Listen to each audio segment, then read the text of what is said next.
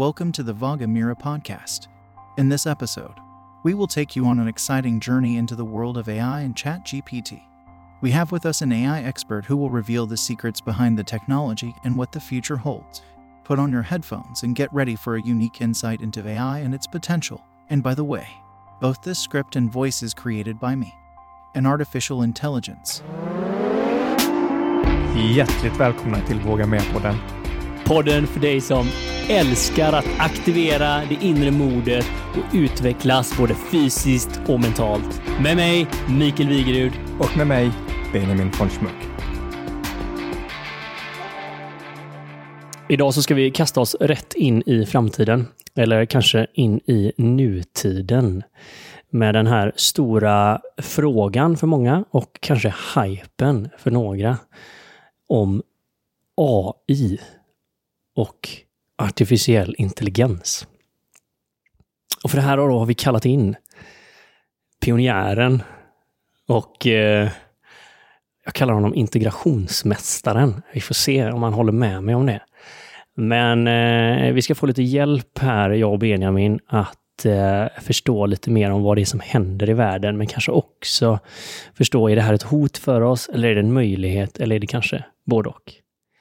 Varmt välkommen till Våga Mera, John Torgersson. Tack ska du ha. Stort tack. Fantastiskt kul att ha dig här. Ja, kul att vara här. Och så himla spännande ämne generellt, AI. Någonting som man hör slängas både hit och dit, men idag hoppas vi kunna förstå det lite bättre. Ja, vi pratade ju om det eh, precis innan egentligen. Det har ju gått väldigt snabbt eh, här och, och min första eh, typ, som kontakt, om man säger, mot, mot eh, eh, någonting eh, att nästan kunna ta på då med, med AI, det var ju för några månader sedan, John. Jag tror vi kom fram till att det var någonstans i slutet av förra året, i november kanske. Där vi skulle ha ett, eh, ett, ett affärsmöte, får vi kalla det, och avrunda året lite och se om vi kunde komma på några genialiska insikter tillsammans. Ja. Varpå jag kom till hyfsat förberett, tyckte jag, till, till det här mötet med John på fika här på ett lokalt eh, café. Varpå John kommer lite mer förberedd och säger, kan jag få visa en grej? Ja, det är klart du får visa. Tar han upp sin dator här. Kan jag få visa en AI-motor här som jag har byggt? Ja, det låter ju spännande. Så här, ställ någon fråga. Ja, som du vill veta. Så skriver han in i ett fönster där liksom på ena sidan. Och nu låter ju detta typ som stenåldern för alla som hållit på med detta det senaste, men det här var ju sinnessjukt fräckt då. Och då vilken fråga som helst och så genererar ju den på andra sidan detta fönstret då ett genialiskt svar. Jag kommer ihåg du körde någon, vi sa så här, men kan du, göra en, kan du designa en ledarskapsworkshop? Mm. Um, och förklara den. Var det så frågan var ställd? Ja, något sånt var det ja. säkerligen. Och så kom det ut ett ganska långt svar och så sa nej det här är för mycket text, det pallar vi inte att läsa. Och så skrev du typ så här, kan du korta ner det här till en A4? Ja. och så kom det ut typ genialiskt skrivet. Eh, det hade gått att använda rätt av ju. Ja. Och typ, där fick jag eh, en, eh, jag har inte riktigt kunnat smälta det än tror jag faktiskt, men där kände jag så här, shit, här är någonting riktigt världsomvälvande som håller på att hända. Och eh, jag kände väl genast typ så här, vi måste förändra världen, vi måste göra någonting av detta. Och, och eh, eh, ja, sen... Och bara några månader senare så släppte de ChatGPT. Ja, som, som kanske många av lyssnare just nu och Benjamin vet att du har liksom hoppgrävt i detta. Ja, det här är ett kaninhål nu som uh, ser hur långt ner det går. Men jag vet att du också fått lite tuffa frågor. Va? Din pappa ringde dig och ChatGPT, som du beskrev här nu Mikael, att man, man kan ställa en fråga eller man kan hålla en konversation. Jag tror det är kanske första så här, verkligen sån här typ av sökmotor eller chattbot som är öppen med för privata personer att leka och experimentera med. Fattar farsan det här? Så här, ringde jag farsan. Du, jag skickar bild på ett mail till dig. Eh, det är skrivet av en dator. Jag fattar inte. Så här, jag, vad, jag, vadå då? Så du, vet du vad, jag sätter på kameran. Jag satte på kameran på min telefon. Och sa, du, nu ska vi göra ett mail tillsammans här. Så jag är måttligt intresserad. Så okej, okay, men eh, du jobbar ju med eh, seglingsklubben en hel del på fritiden och så här. Så att vi skrev in i den här så här, kan du skriva ett mail till mig på svenska? Absolut, säger då ChatGPT, det kan vi göra. Så jag, okej. Okay. Kan du skriva ett mail till seglingsklubben Med höjd avgift för båtplatser. Tyvärr. Och så skrattar farsan så här. Liksom, Jaha, det var ju inget långt mejl. Så, Nej, nej, det var det jag skrev. Ska vi se vad ChatGPT svar. Då svarade så här. Ämne. Ökning av avgift för båtplats. Kära medlemmar i seglingsklubben. Jag är ledsen att informera om att avgiften för båtplatser i hamnen kommer att öka.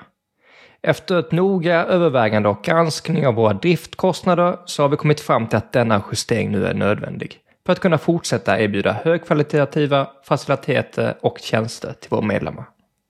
Den nya avgiften träder i kraft den första i andra och vi förstår att denna nyhet kan vara besvärande men vi lovar att ökningen är minimal och kommer att hjälpa oss att bibehålla och förbättra vår hamn för alla medlemmars bästa.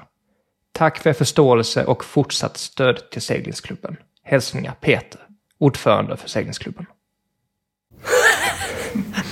och när jag läser detta, visar det för farsan, så hör jag bara på andra sidan. Ja jävlar. kan, man, kan man börja testa det här själv eller? så att det känns lite grann som för första gången så eh, kan folk börja från första in, liksom glimt av någonting som du här John har haft koll på väldigt länge. Va, vad är det som händer i världen, John? Just nu? Kring, kring detta? Ja, vi kan ju börja med, om vi backar lite grann så kan vi, jag gillar att du kallar mig pionjär och eh, integrationsexpert. Eh, pionjär är ju svårt att säga, det, det här är ett område som har hållit på sedan 50-talet. Uh, eh, integrationsexpert, det, det håller jag med om däremot. Men, uh, och det, det är egentligen det som, som uh, vi försöker få till här nu egentligen. Och integrera en massa saker och det är ju det som det, de här motorerna gör då. Eh, och det som du berättade här med att, eh, att, att vi hade byggt en motor innan hade vi ju inte gjort utan vi använde ju precis samma motor som ChatGPT använder egentligen. Eh, som är, det, det kallas ju för, det här GPT står ju för Generative Pre-Trained Transformer. Eh, och de, eh, OpenAI som ligger bakom det hade ju en sån här GPT-modell innan då. Och den finns ju sådana här att man kan konversera med andra program med den då så att man kan bygga och använda den för andra tillämpningar egentligen. Sen har de tränat en ytterligare en, en sån här eh, en sån här modell som, som är duktig på konversation. Och, och det är ju chatten då, egentligen ChatGPT, som i bakgrunden använder den här förtränade modellen då. Så den är ju jätteduktig på att ha den här konversationen då. Eh, och det är det här generativ, det som, när det genererar saker, det, det bygger på att den, den har, den är på väldigt mycket data och sen så har de matematiska eh, modeller för att räkna ut vad, vad är sannolikheten, eller vad är sannolikt att nästa textstycke ska vara med, med den här inputen. Så det är en prompt som en input och så, och så räknar den ut att sannolikt så, kommer det, så är det det här som ska komma ut då. Och den här är ju tränad på oerhört mycket information. Och man brukar säga att man har tränat att det här går igenom olika lager. Och ju mer sådana här lager man har, desto träffsäkrare blir den då. Och här är ju hur många lager som helst kan man ju tänka sig då. Väldigt många lager. Eh, så det har ju liksom gått igenom en väldigt massa olika eh, träningsepoker eh, här då för att, eh, för att eh, komma fram till, eller för att sätta den här modellen. Då. Är, är det därför John, som till exempel då det här mejlet till båtklubben. Jag menar, i mejlet så kommer ju fram att den börjar prata om faciliteter och massa andra grejer som inte jag har bett den skriva om. Men det passar ju väldigt bra in. Ja. Är det på samma sätt då att den fattar att det här är närliggande och att det här är stor sannolikhet att det här hör hemma i den här konversationen? Absolut. Och, och det är det här också att du, du hade jag kommer inte exakt, exakt ihåg vad du sa, men den, den säger ungefär ja, dessvärre så, kommer det, så måste vi tyvärr då meddela om detta. Så den, den gör ju en bedömning då på att eh, det här är nog någonting som inte är ett positivt eh, eh, besked till medlemmarna, utan det är säkert någonting som vi, vi, behöver, vi behöver uttrycka våran eh, sympati med medlemmarna som får en höjd eh, avgift här då. Kan man säga att det här är en del som visar intelligensen? Hade det stått till exempel så här vi ska dela ut extra pengar eller vi ska sänka avgiften. Då Ja. kanske den hade, den hade blivit glad då. Ja, precis. Så Då, då, hade den ju, då, då hade ju beräkningarna snarare landat att sannolikt så ska jag säga att det här var en positiv sak då att- att komma ut. Då. Om man, om man skulle ta några steg bakåt och så tänker man så här. Det, här med AI och att man laddar upp hjärnan till nätet, det är ju någonting som Hollywood har nappat på ganska många år. Det finns ju filmer som eh, Transcendence till exempel, där de, de tar det här konceptet, när någonstans blir det medvetande och inte medvetande. Så att ibland kan det bli att det blir liksom nästan Hollywood av det när vi pratar just AI. Um, ehm, och eh, nu när det börjar komma lite sådana här grejer som folk kan testa som via OpenAI och ChatGPT och liknande. Om, du här John skulle hjälpa, ja, kanske min pappa då, förstå vad, vad är egentligen AI? Är det Transformers eller Terminator-varning på detta? Eller vad, vad, för det kan vara svårt ibland att navigera. Ja, ja i allra högsta grad. Ja. Just nu så är vi ju ganska långt ifrån Transformers och ladda upp hjärnan. Eh, och vi kan, som du säger, ta det lite steg tillbaka. För, för det finns ju, man pratar ju ibland om narrow eller weak AI. Eh, och så kan man, pratar vi om strong eller general AI. Och det, det man ofta ser i science fiction och ladda upp hjärnor och sådär, det, det, det är general artificiell intelligens. Det vill säga, då är det ju en maskin som har samma förmågor som oss att lära sig och, och liksom kanske föröka sig och, och de här sakerna också. Då. Eh, men det som vi har nu är ju, är ju i grund och botten det som kallas för weak eller narrow. Så vi har en, vi har den liksom perfekta savanten. Så det, det, det som vi generellt tycker är ganska svårt, det vill säga processa väldigt stora mängder data, göra väldigt avancerade beräkningar. Eh, ja, vi vi, de, man vinner i Go eller vad man vinner i, i, eh, i schack eller något sånt där. Det är ju för AI relativt enkelt då. Men å andra sidan, det som vi tycker är väldigt enkelt, det som, är, det som man pratar med om i science fiction-delarna då, det vill säga lära sig att, eh, man brukar ta exemplet om att du kan, oss kan vi släppa in i vilket kök som helst så här och, och be fixa en kopp kaffe.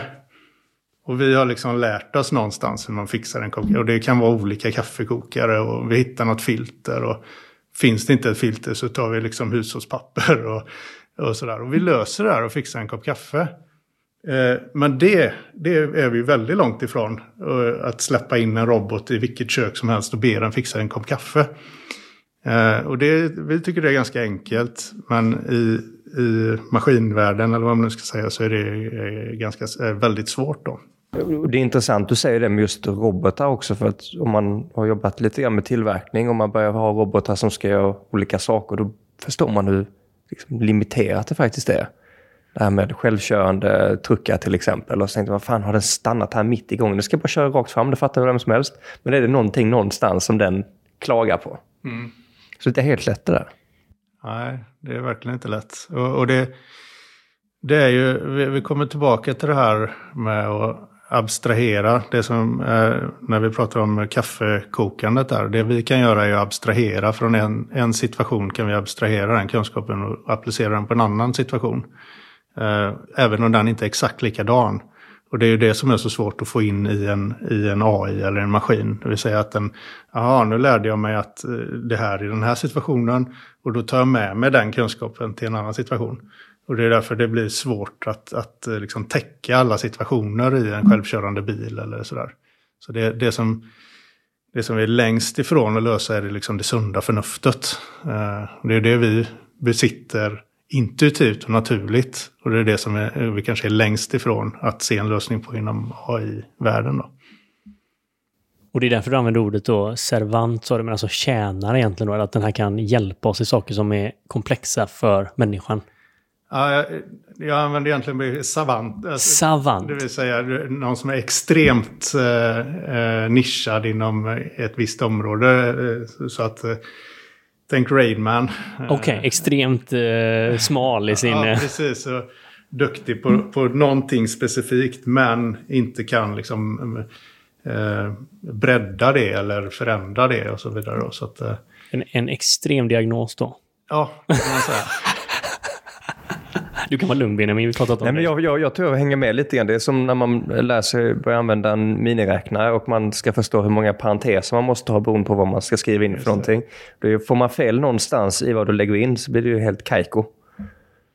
Så är det. Så den är också väldigt alltså, smal då på precis vad den kan göra. Men det här som kommer nu med som redan finns idag. Är det lite grann som när man började få in Excel till exempel på företag? När man tog bort väldigt mycket av de här manuella kalkyleringarna. Mm. Kan man jämföra vid det? Ja, men så är det ju. Eh, förstås. Det blir nya verktyg eh, som är på väg in och det, vi får lära oss att använda dem och jobba med dem på ett annat sätt. Då. Uh, och precis som med Excel så det var ett bra exempel där med parenteser. Så där, där du behöver också ha med din, liksom, ditt sunda förnuft och, och förstå någonstans vad det är du får ut ur den här, det här Excel-arket och de här formlerna. Uh, och det, det, är samma med de här, de här uh, applikationerna eller de här teknologierna. Att man, du måste applicera din, din intelligens ihop med den artificiella intelligensen. Då.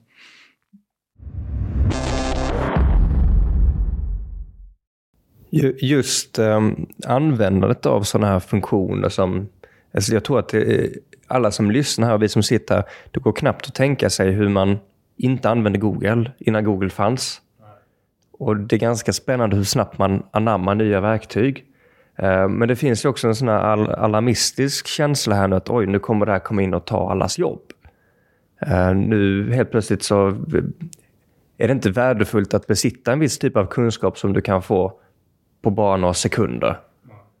Var, hur ska man navigera det om man känner sig lite så här, fan är det här som kommer nu? Är det domedagen? Kommer inte jag ha ett jobb om två år? Hur tänker du som är insyltad i det här John? Jag tänker väl som all, alla andra automatiseringsprylar som har kommit, eller vad det än är, så har det ju bara genererat mer jobb i de allra flesta fall.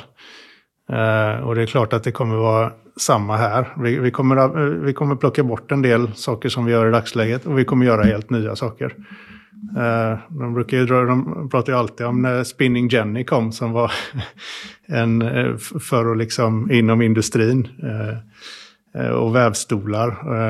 Och sen har det kommit grävmaskiner och tvättmaskiner och sen så är det datorer och system och så vidare och digitalisering.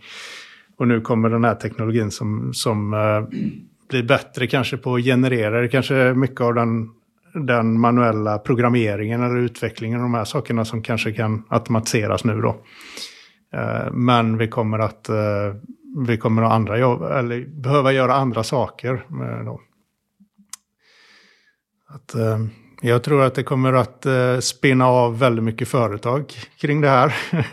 Naturligtvis. Eh, jag tror att det, vi kommer eh, vi kommer ju kunna nyttja det här för att också, jag menar, vi har ju en, en stundande klimatutmaning och energiutmaning och så vidare som där vi förhoppningsvis kommer kunna nyttja ny teknologi för att hjälpa oss att liksom lösa de här problemen. Då, så. Men för du själv har ju ganska nyligen startat ett företag eh, i, i den här liksom, genren då, AI.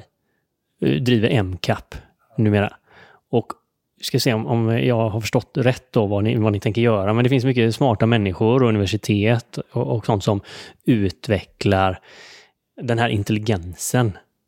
Eh, kan vi kalla det så? Ja, ja, du tänker på som, som bedriver forskning inom AI helt enkelt. För att förflytta ja, fram positionen ja, inom hela ämnesområdet. Och så någonstans då så börjar väl eh, fler bli intresserade, som vi egentligen pratat om, hur, hur kan vi använda detta och vad är det och hur kan det förbättra mitt företag eller hur kan det förbättra mina produkter eller så. Och någonstans här emellan då så ska ni eh, reda i detta frågetecknet eller komma med lösningar.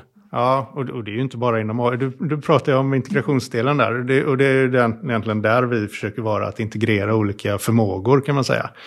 Eh, och, och, det är ofta det som är utmaningen. Men och, då, vi plockar ju det som du säger, vi tar vid där forskningen liksom lämnar över saker till att vara produktionsfärdigt och funderar på hur kan vi nyttja det här i ett verksamhetssammanhang. Eh, och hur kan vi införliva det i, i processer och verktyg och, och sådär hos olika bolag. Då. Och det, det, är ju dels teknologi inom AI, det är ju väldigt stort nu. Det är ju väldigt på tapeten för tillfället. Det känns ju väldigt trendande. Ja, det är ju lite så. Ska man ha LinkedIn-likes just nu så säger vi bara så här, lyssna noga nu och posta sen. ja, det är så. Men sen gäller det att integrera det med annat. För att det, det är samma här ChatGPT som alla börjar använda. Du kan ju inte be alla dina anställda bara springa iväg och skapa ett användarkonto på ChatGPT och sen använda det som ni vill. För det, då får du inte in det i din verksamhet, i dina processer och, och, och någon, något strukturerat sätt att nyttja det. Och det är där som man måste eh, liksom bygga in det i verksamheten på ett annat sätt. Då. Så det krävs lite mer än det här nu vilda västern då med betaversioner och öppna konton och testande och... Ja, det... Det, är inte, det är inte där grejen är. Nej, alltså det är väldigt bra skyltfönster. Och precis som du har varit inne på, alla får upp ögonen nu liksom. Eh, och eh, även din pappa kunde se hur man kan nyttja det och det, det är det ju väldigt bra på. Sen är ju det, vi ska göra klart för oss, det, det där är en, de kallar det för research preview nu. Och, och uh, OpenAIs vd har ju gått ut på Twitter och sagt att alltså förlita er inte på ChatGPT när det kommer till fakta. Det är en jättebra motor för att vara inspiratör och för att liksom generera saker och vara kreativ och så. Men fakta, vi jobbar på det, men förlita er inte på det. Det är mycket fel där fortfarande. Då. Och det, det är ju bra att ha med sig kan jag tycka. Eh, sen har de ju produktionsfärdiga modeller där man kan eh, eh använda deras API och sådär. Så, som man kan nyttja på ett annat sätt. Då. Men det är det som är så intressant där med att folk börjar få upp ögonen. Jag fattar inte hur stort... Nu börjar jag fatta hur stort ChatGPT är för att det finns överallt. Ja. Jag tror till och med det var med på nyheterna någonstans. Men Annars lär det väl vara på nyheterna snart. För, för några, några veckor sedan så såg jag att de har en sån här Discord-kanal som är typ Skype fast med för eh, ja, kanske lite yngre personer som håller på och gamar eller håller på med kryptotrading och så här. Och om man går med i deras öppna kanal så var det 1,3 miljoner personer som har signat upp på deras Discord. Och de hade 120 000 personer online i sitt Discord. Alltså det är så, det är liksom en tiondel av Sveriges befolkning på bara en månad har blivit så pass intresserade att de inte bara använder sig av det här, utan att de har tagit nästa steg i att gå med i ett community för att lära sig mer och kunna liksom, antagligen se hur man antingen kan bygga bolag eller rent av att man är intresserad av forskningssyfte också. Ja, det är häftigt. Just den andra var att shit, kan Discord ha en kanal som har 1,3 miljoner? det, det, det sig var jag också imponerad över. Men du sa ju någonting som, som är svårt att fatta. det här är ju ett skyltfönster, eller vad sa du egentligen? De här? Ja, alltså det är en tillämpning för att använda, som sagt de använder ju bakomliggande sådana här eh, språkmodeller, stora språkmodeller. Eh, och då har de byggt ett konversationsgränssnitt kan man säga som de har tränat för konversation. Då.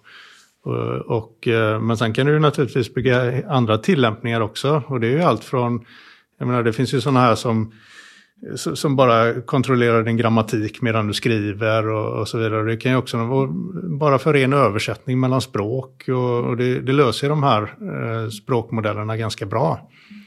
Så att det finns ju tusen, och det är det jag menar med att det kommer ju spinna upp ganska mycket bolag runt det här, tror jag, när, när det här finns så att du inte själv behöver bygga och träna de här stora språkmodellerna. För, Nej, för det är extremt krävande, eller? Det är ju extremt krävande och det är väldigt mycket data och mycket som ska göras då. Men att man kan då köpa dem eller licensiera dem eller koppla in på dem på något sätt? Eh. Ja, precis. De har ju sådana här, jag vet inte om ni är bekanta, men det kallas för API-er. Eh, och det är ju som gränssnitt, man kan från sin applikation kan man anropa det som en tjänst då. Så man, man, då skickar man in sin fråga och bygger in det. Och det var ju det vi hade gjort i det här fönstret som du sa då. Kan, kan, kan, man säga att en API är som en dragkrok på bilen? Att eftersom att du har dragkroken kan du koppla ett släp eller du kan koppla en trailer, du kan koppla liksom en husvagn, du kan koppla på massa olika saker. Ja, men så kan man säga. Och, eh, eller en kontakt i, i, väggen eller någonting så att eh, du kan liksom eh, få, få information eller föda med information. Då kommunikationsgränssnitt helt enkelt. Då. Uh, så att, uh, och, och, och då, då kan du bygga in det i dina applikationer dina processer och i din verksamhet egentligen. Så, att, så där kommer komma mängder. Det, det, det är bara en tidsfråga innan det kommer. Det kanske redan finns som plugin till Office-paketet till exempel. Eh, så att du inte behöver gå ut, som sagt, på en webbsida, skapa ditt eget konto, utan du börjar skriva i Word och så ber du den generera någonting. Så detta, skulle du kunna bygga ett sånt idag eller hur, hur nära är det tillgängligt? Ja, det skulle man kunna bygga idag, precis.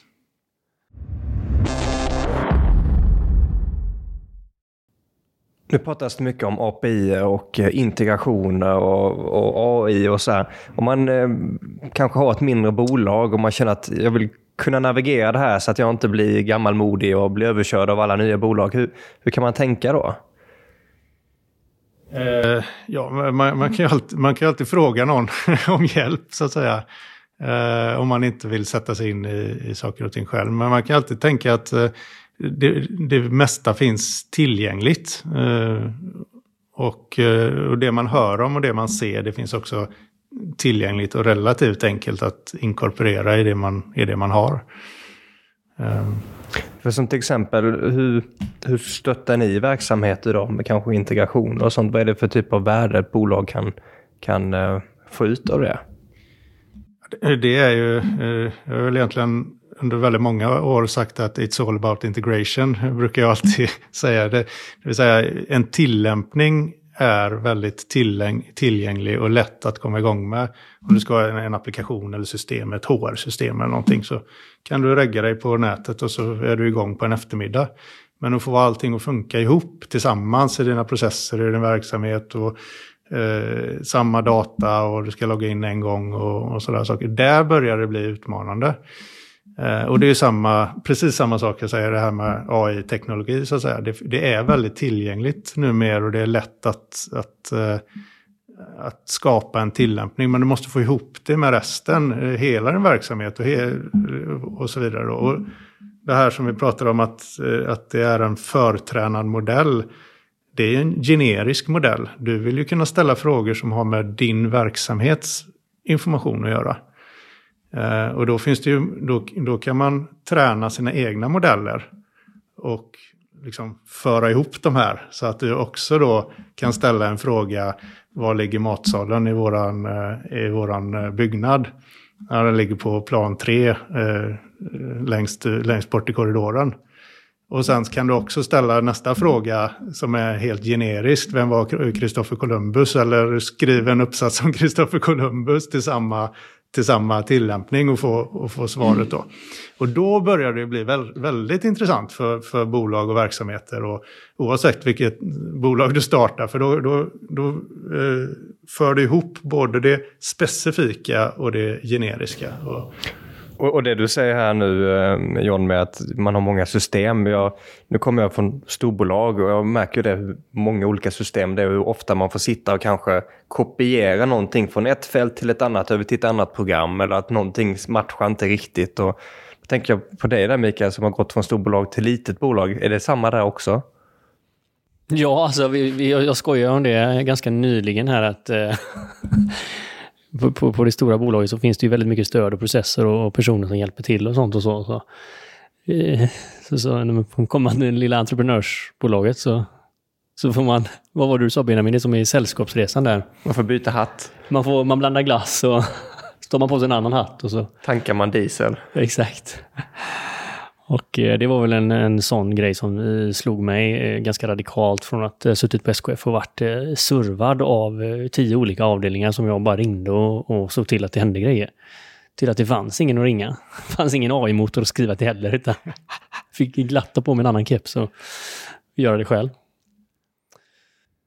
Men kommer sånt här bli lättare i framtiden? Kommer AI kunna synka ihop olika system som kanske idag inte riktigt skulle prata med varandra? Ja, det är, väl, det är också ett tillämpningsområde förstås. Eh, eh, och, och, samtidigt så är det ju att synka ihop olika system gör ju också att man får större nytta av AI. Så det, det går åt båda hållen. Eh, vi pratar mycket om att om du samlar din data. För AI och algoritmer, det, det, det det lever på är ju data och information. Så att, och nu, nu, pratar vi väldigt mycket om det här språkmodeller, men det finns ju en helt annan del som är dataanalys och eh, kunna förutspå saker baserat på historisk data och så vidare. Och har du då integrerat dina system, får du ihop din data på ett och samma ställe, ja men då kan du också applicera eh, den här typen av machine learning modeller eh, på den och kunna förutspå liksom eh, beteenden hos dina kunder eller vad det nu må, än må vara. Ja, för det är ju extremt alltså, svårt. Det kan man gå till sig själv. Alla, en vanlig människa idag, har ju väldigt mycket olika system man använder.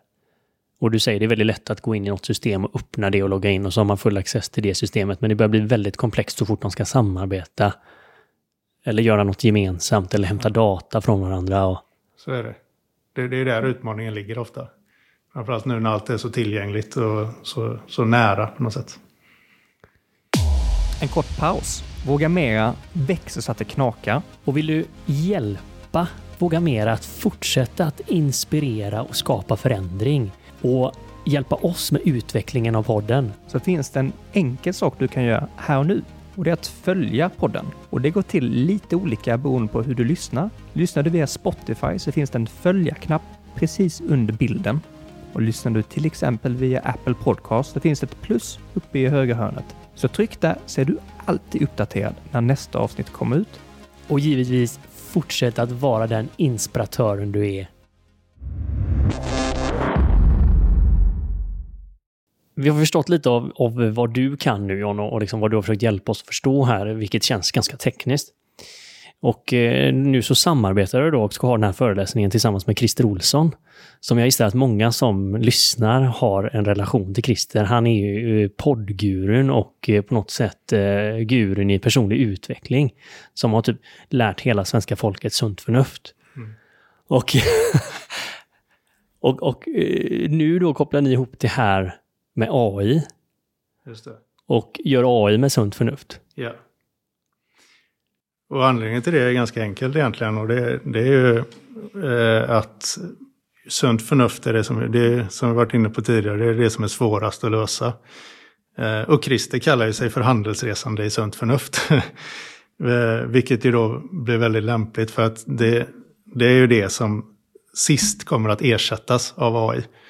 Eh, och eh, det, det som är vårt budskap väldigt mycket är ju dels att eh, sunt förnuft i alla sammanhang är, är viktigt, men också att de här behöver, eh, de här behöver samköras. Det vill säga att eh, man behöver koppla på sitt sunda förnuft och jobba med sitt, sitt eget, eh, vad ska man säga, naturliga intelligens tillsammans med den artificiella intelligensen då. Eh, för att det här ska bli bra och fungera på ett bra sätt. Och vad är risken om man inte skulle göra det? AI utan sunt förnuft?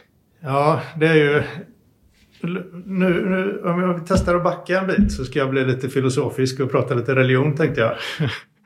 Eh, det är ju, om vi går tillbaka ja, strax, strax mer än hundra år tillbaka i tiden så, så var ju även, fortfarande är det så att de flesta i världen tillhör ju någon form av de stora världsreligionerna. Och vi gjorde ju också det hundra år tillbaka i tiden.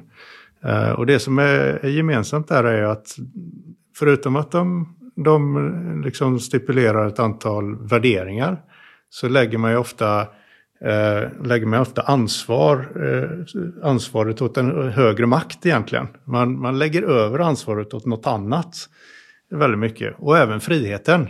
Så man liksom tradar ju bort, jag behöver inte ta ansvar, men jag har heller inte så mycket frihet, utan jag är ganska styrd av de här reglerna som är här. Så, men sista, senaste hundra åren så har det ju trätt in en annan religion som var dominerande i vår del av världen, det är ju humanismen. Där vi liksom snarare har gått över till att lägga över ansvaret på individen. Vi har fått fram sånt som heter mänskliga rättigheter. Vi ska vara empowered. du är din egen lyckas smed. Och vi i Sverige har ju dratt det här kanske längst då. Och, och, strax efter det så har ju bolagen släpat också och, och börjat att lägga över ansvaret på individen. Eh, japanerna var ju tidiga med det här med att säga att eh, det, det eh, ansvar för du har lika stor ansvar för kvalitet som eh, din chef eller din chefs chef. Eh, och eh, och det, alla i, i verksamheten liksom är, är, är, ta, måste ta ansvar och bidra. Då. Och dit har vi dratt det. Nu har vi ju, jag vet inte om ni har läst eh, Yuval Hararis böcker. Eh, Sapiens och Homo Deus och de här. Han skrev ju mycket om det här. Nu håller vi på att träda in ytterligare en ny religion som heter dataismen. Där vi återigen lägger över ansvaret på en högre makt och något annat som är algoritmer och liksom träda tillbaka och trada bort vår frihet då. För att då, det vi måste göra, det, vi blir ju databaser som bara föder de här algoritmerna med data då.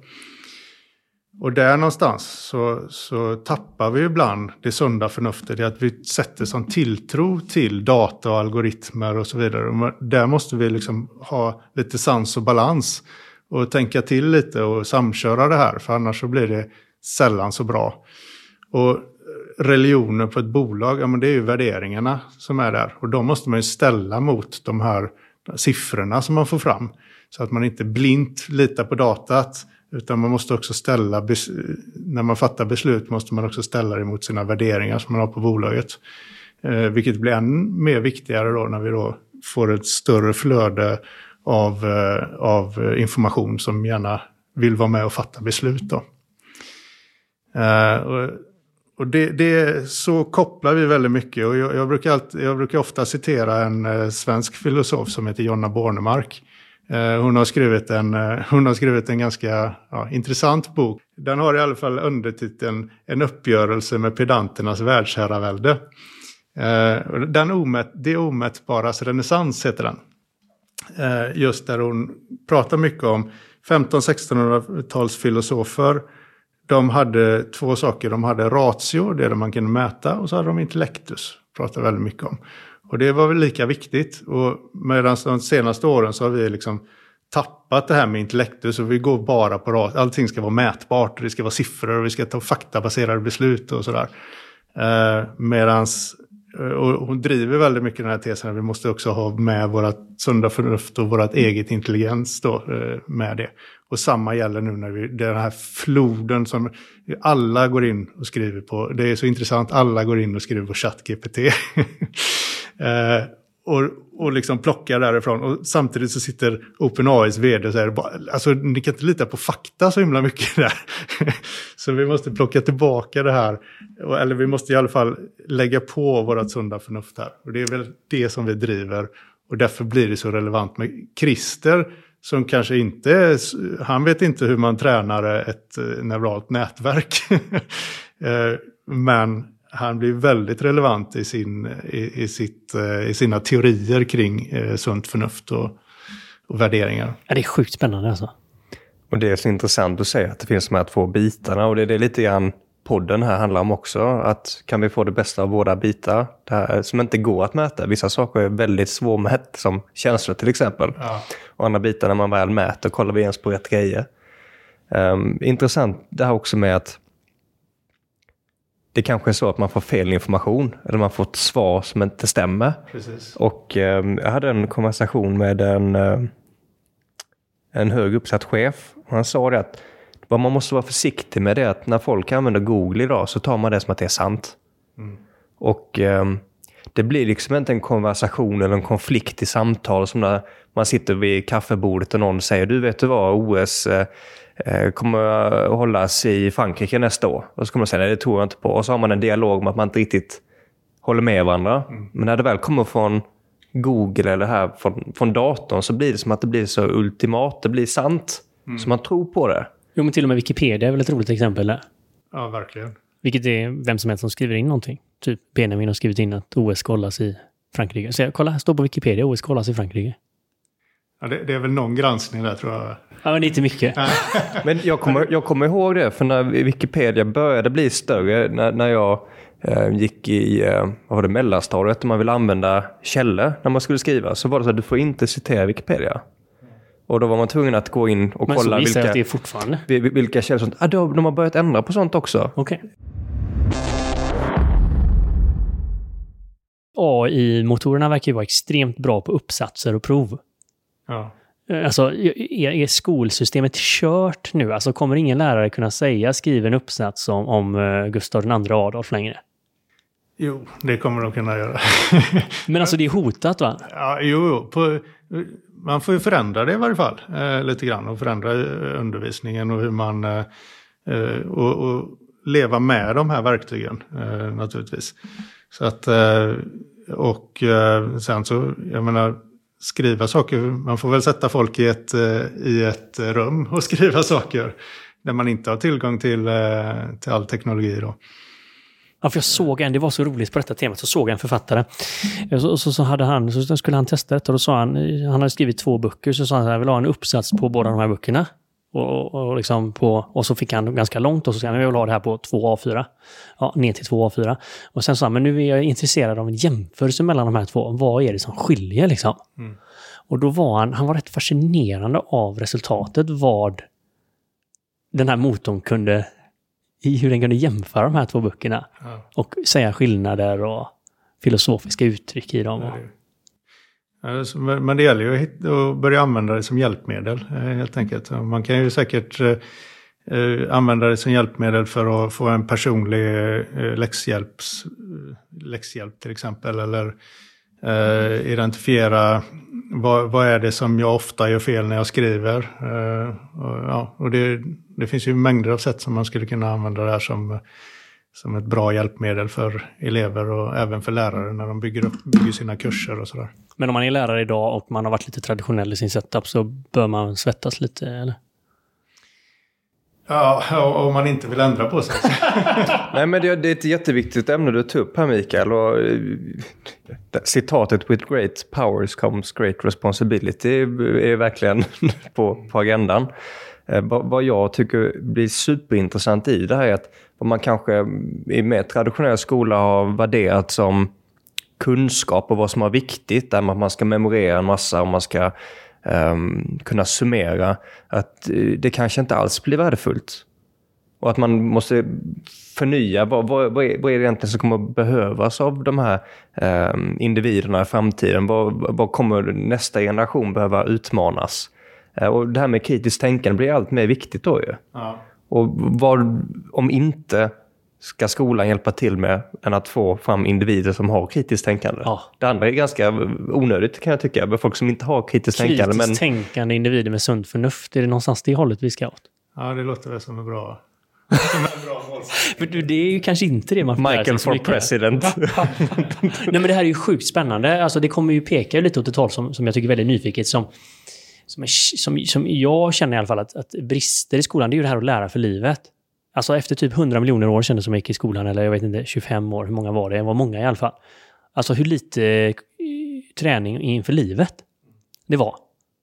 Och väldigt lite träning sunt förnuft. Och efter fem år på Chalmers, då hade man ju verkligen nischat bort sig från det mesta av det.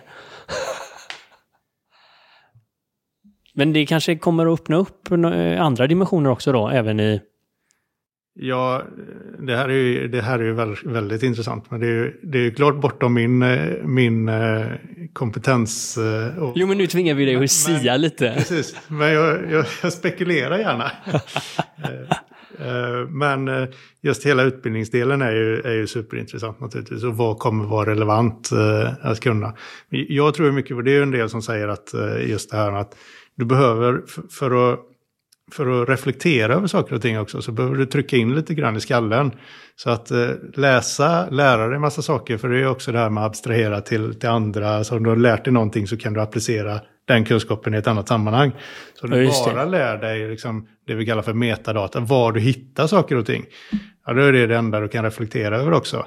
Men om du har lärt dig eh, eh, ganska mycket historia så kan du också reflektera, det, det ligger i huvudet och det är liksom kopplas ihop med andra saker du lär dig och då, då, då kommer reflektion och liksom insikter och du kan abstrahera det och, och applicera det på annat. Då. Så, så det är ju intressant, vad, vad tror ni själva där? Jag tror att det finns ett värde i att faktiskt plugga in saker och lära sig saker för att det, det liksom gror i huvudet. Men... Nej, jag, jag håller med helt och hållet. En, i, i eh, lågstadiet, eller så här, jag hade superproblem med glosor till exempel det här traditionella sättet att sitta ner och lära tio glosor, det var så jäkla tufft. Uh, och jag, min mor hon påminde mig där, ja, det var något halvår sedan, och så berättade hon vilket jävla helvete jag hade. Jag hade förträngt det. Uh, så att jag ser, om man då kan ha ett system som förstår var problematiken ligger för mig just att lära mig de här bitarna, som sen plötsligt anpassar sig efter min förmåga att kanske ta in och lära information. Vilken, vilket superverktyg det hade varit för mig då.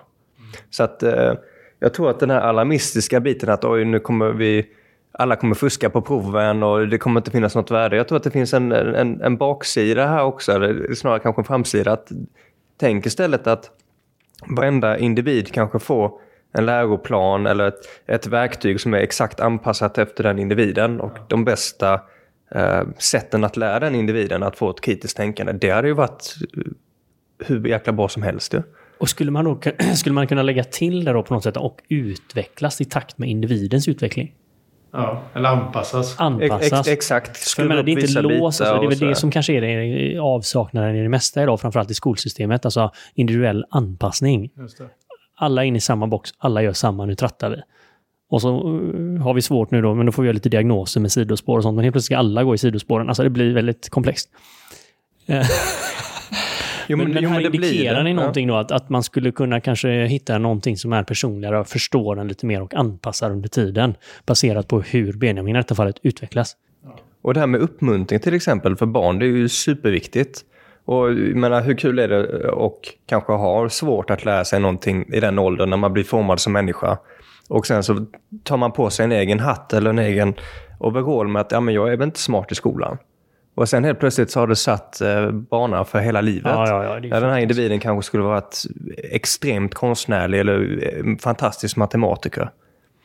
Så man då kan få in kanske till och med det här gamifierandet eller att algoritmer framöver kanske förstår individen bättre än vad en lärare förstår som kanske knappt ser den här individen. Ja, jag, jag, jag ser någon... Intressant. Och det, det är ju någonting som, som eh, en hel del pratar om, just det här med att ha en personlig companion, eh, följeslagare.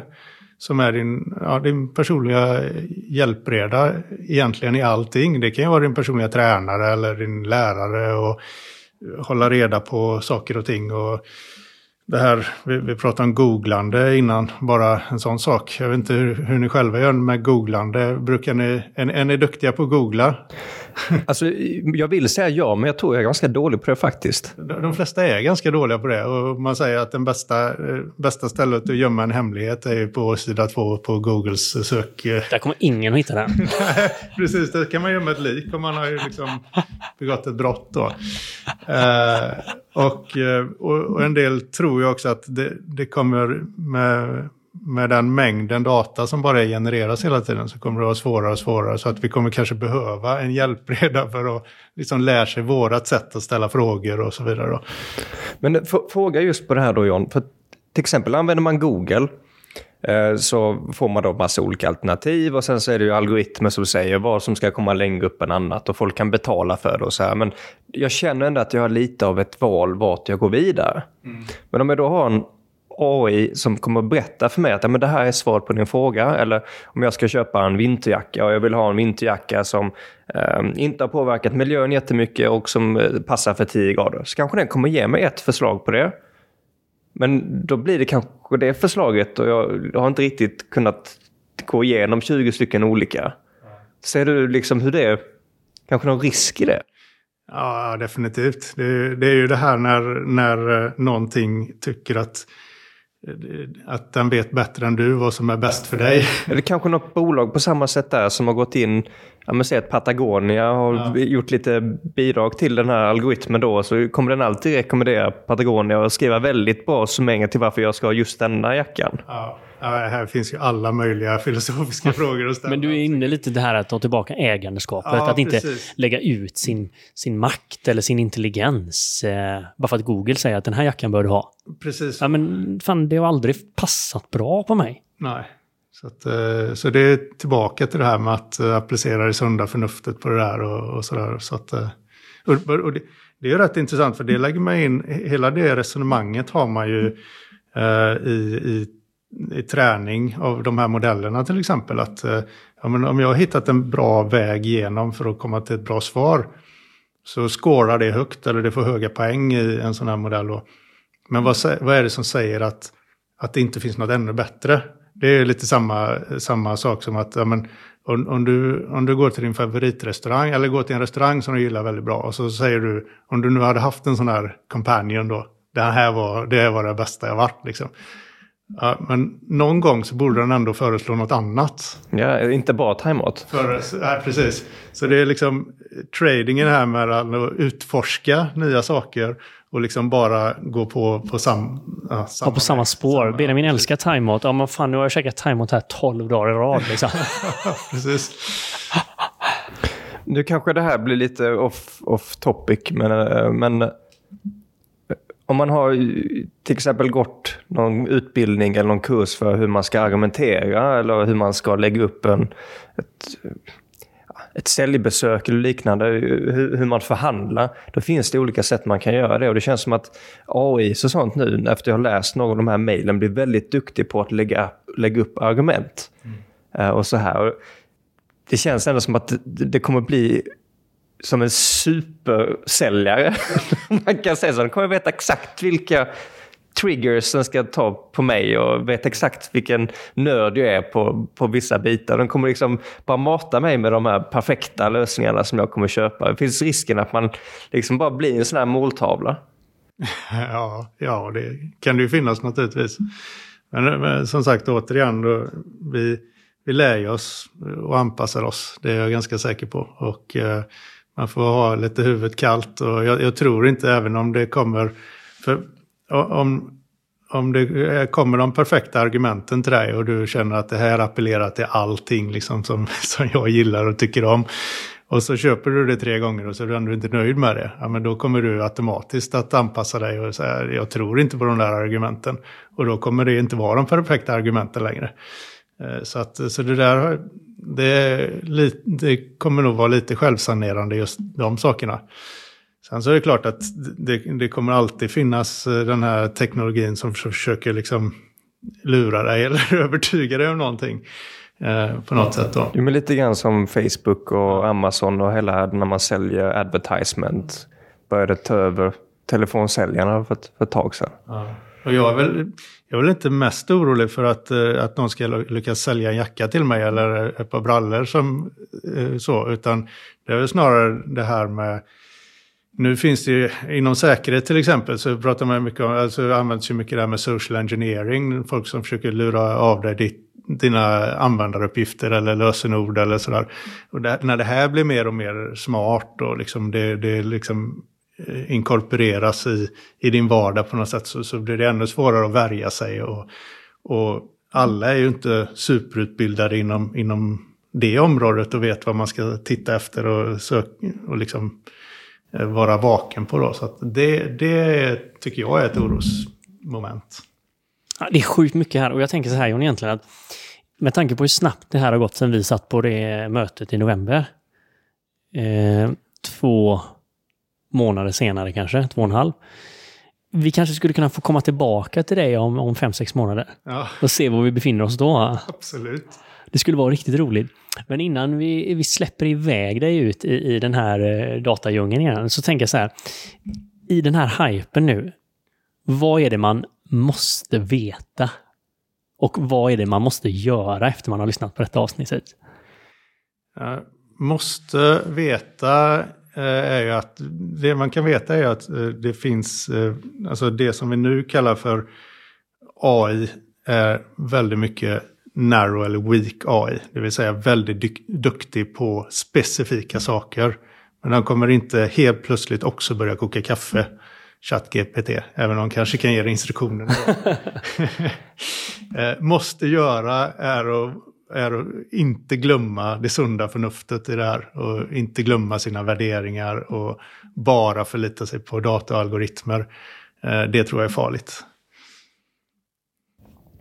Om man är intresserad av att eh, hänga med på din resa och, bolag och så här, eh, var, var hittar man dig någonstans John? LinkedIn är väl det enklaste. Jag heter Jan Torgersson. Då behöver man inte hålla koll på rätt mejladresser och, och sådär. Är det något mer? Behöver man gå in nu? Jag tänker att många som lyssnar har, har, inte gjort det, men behöver man även gå in och testa den här eh, chattarna? Eller Ja, men det är ju roligt. ChatGPT är ju kul naturligtvis. Men ta det för vad det är. Eh, DALI är ju väldigt kul. Där du kan generera bilder från, eh, från text. Jag vill inte prata så mycket om här, men det finns ju alla de här också. Att du genererar musik eller genererar bilder och sådär. Eh, det kan jag ju rekommendera att gå in och testa. Det är ju jättekul. Eh, alla de här sakerna. Och då får man ju upp ögonen för vad man kan göra. Eh, och sen så kan man ju fundera på eh, om, man, om det är någonting det här som passar i ens verksamhet då. Alltså, jäkla spännande alltså. Tack för att du var med i Våga Mer-podden. Tack så hemskt mycket för att jag fick vara med. Stort tack till dig som lyssnar, som hjälper Våga Mer-podden att växa och nå ut via de sociala kanalerna. Vi har ingenting utan er lyssnare och både från mig och från Mikael så skickar vi ett stort Våga Mera så hörs vi igen i lurarna nästa avsnitt.